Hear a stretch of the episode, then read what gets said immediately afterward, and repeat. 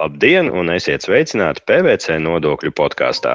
Šo raidierakstu veidojam, lai pārunātu aktuālus nodokļu un uzņēmējdarbības tematus.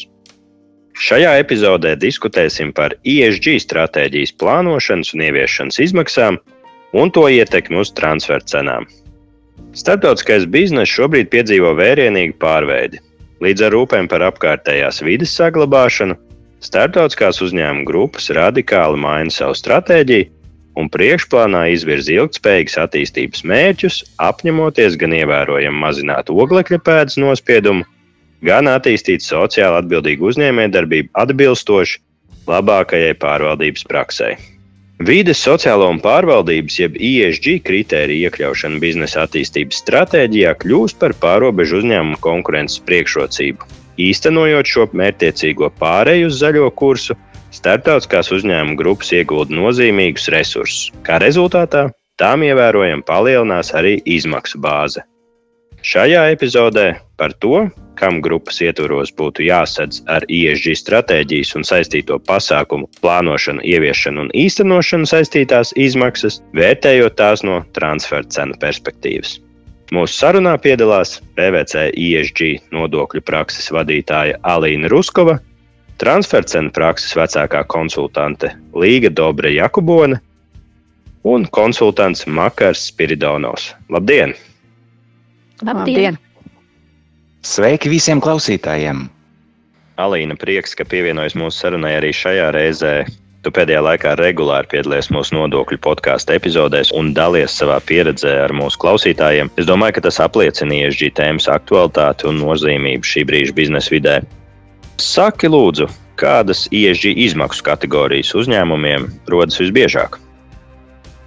grupas ietvaros var rasties ļoti dažādas izmaksu kategorijas, kas ir saistītas ar ilgspēju, jeb ESG jautājumu izvērtēšanu, pasākumu plānošanu, ieviešanu šeit nav ļoti striktu noteikumu, un es pieminēšu daudzus piemērus, bet es gribētu uzsvērt, ka tas nav izsmeļošs saraksts, un uzņēmumiem var rasties arī citas izmaksas, ko mēs varētu uzskatīt par ar ilgspēju saistītām izmaksām bet apskatīsim dažus piemērus. Sākt es gribētu varbūt ar tādu pazīstamāku uh, piemēru, kas ir uh, nefinanšu, jeb tā saucamā ilgspējas ziņojuma uh, izstrāde. Varbūt mūsu klausītājiem tas būs kaut kas, kas nav tik ļoti jauns un būtu vienkāršāks piemērs. Jāpiebilst, ka šo ziņojumu sagatavošana vēl nav obligāta visām Eiropas Savienības dalību valstīm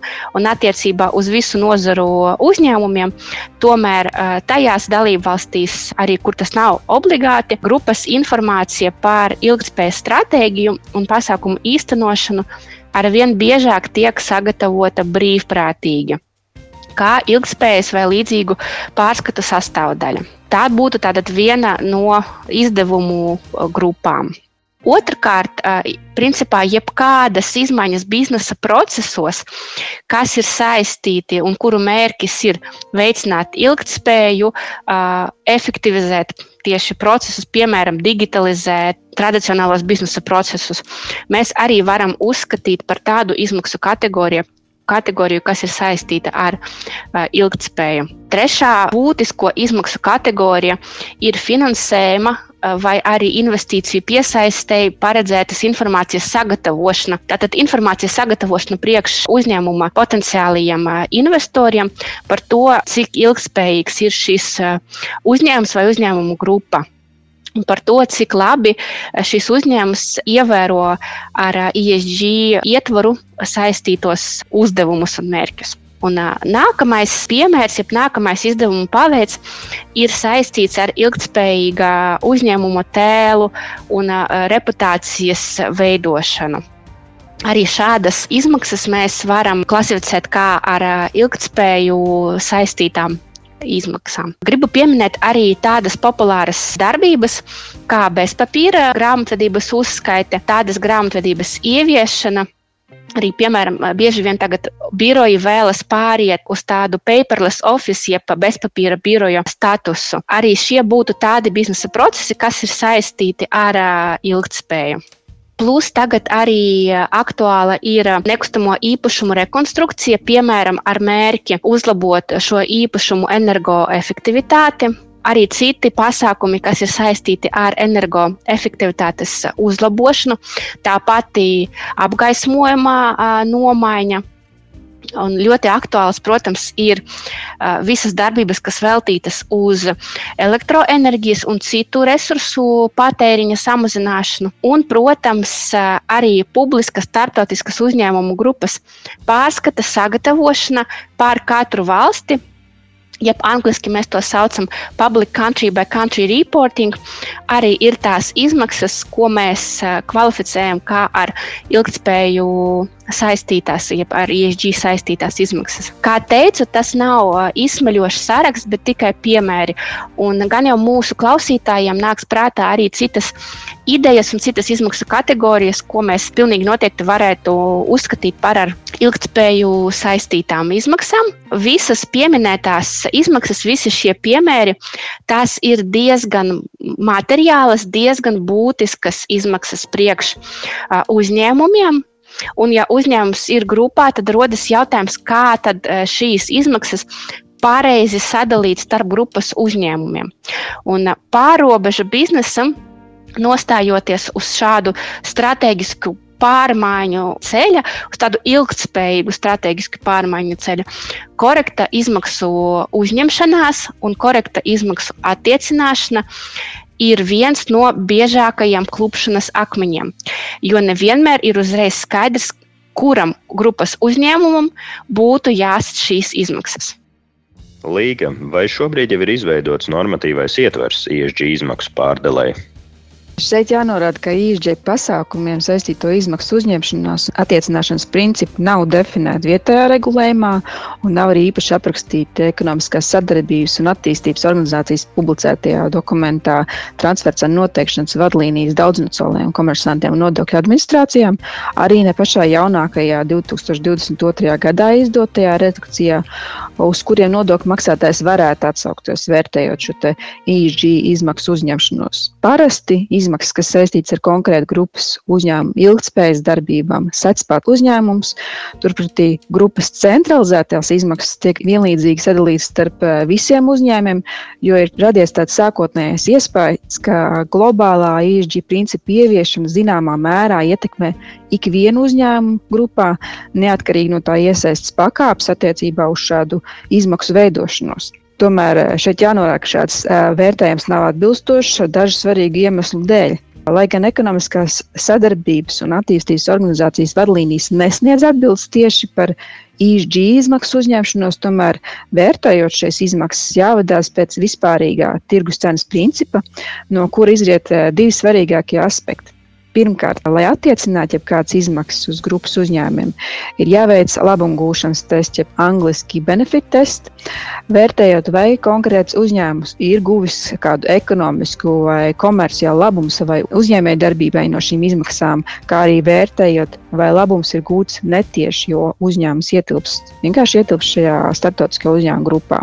Un otrkārt, kas jāņem vērā, izmaksas jāuzņemas tam uzņēmumam, kurš spēj tās kontrolēt. Citiem vārdiem sakot, pieņemt lēmumu par izmaksu nepieciešamību un to lielumu. Šādu gūto labumu visvienkāršāk var konstatēt, vērtējot, vai neatkarīgs uzņēmums līdzīgos apstākļos būtu gatavs saņemt līdzīgu pakalpojumu par attiecīgām īžģi aktivitātēm un attiecīgi sekt saistītās izmaksas. Ja šeit labumu nav iespējams konstatēt, tad saistītās izmaksas nevar attiecināt uz grupas uzņēmumu. Makar, kādus vēl riskus var saskatīt nodokļu administrācija? Valsts ieņēmuma dienests tik tiešām ir diezgan vērīgs, tā skaitā arī attiecībā uz korektu izmaksu pārdali. Tāpēc grupas ietvaros ir liederīgi identificēt meitas uzņēmumus, kuri virza un attīsta biznesu, un atsevišķi izdalīt zemes pievienotās vērtības un atbalsta pakalpojumu sniedzējus. Minēšu dažus piemērus.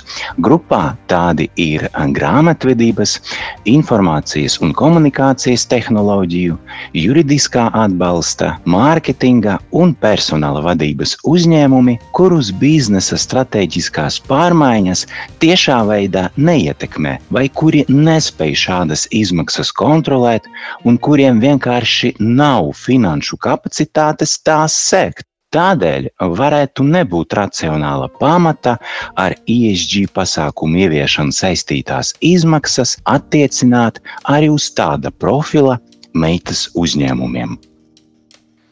Kolēģi, jūs aplūkojāt ISG izmaksu kategorijas un uzsvērāt, ka nevienmēr ir pareizi uzņemties izdevumus pēc to piedarības principu un sadalīt tos vienmērīgi starp visiem grupas uzņēmumiem. Makar minēs lūdzu vēl pāris iemeslus, kāpēc vienlīdzīga izmaksu pārdala mēdz būt kļūdaina. Spilgts piemērs ir grupas atteikšanās no fosilā kurināmā un pakāpeniska pāreja uz alternatīviem energoresursiem.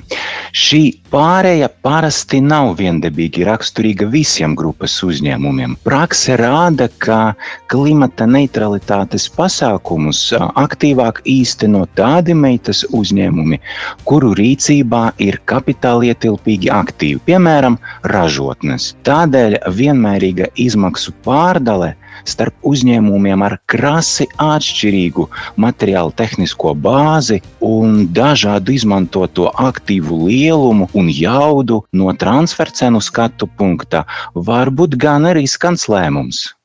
Līga, kā ir ar izmaksu kontrolas nozīmīgumu, vai valsts ieņēmuma dienests pievērš arī tam savu uzmanību?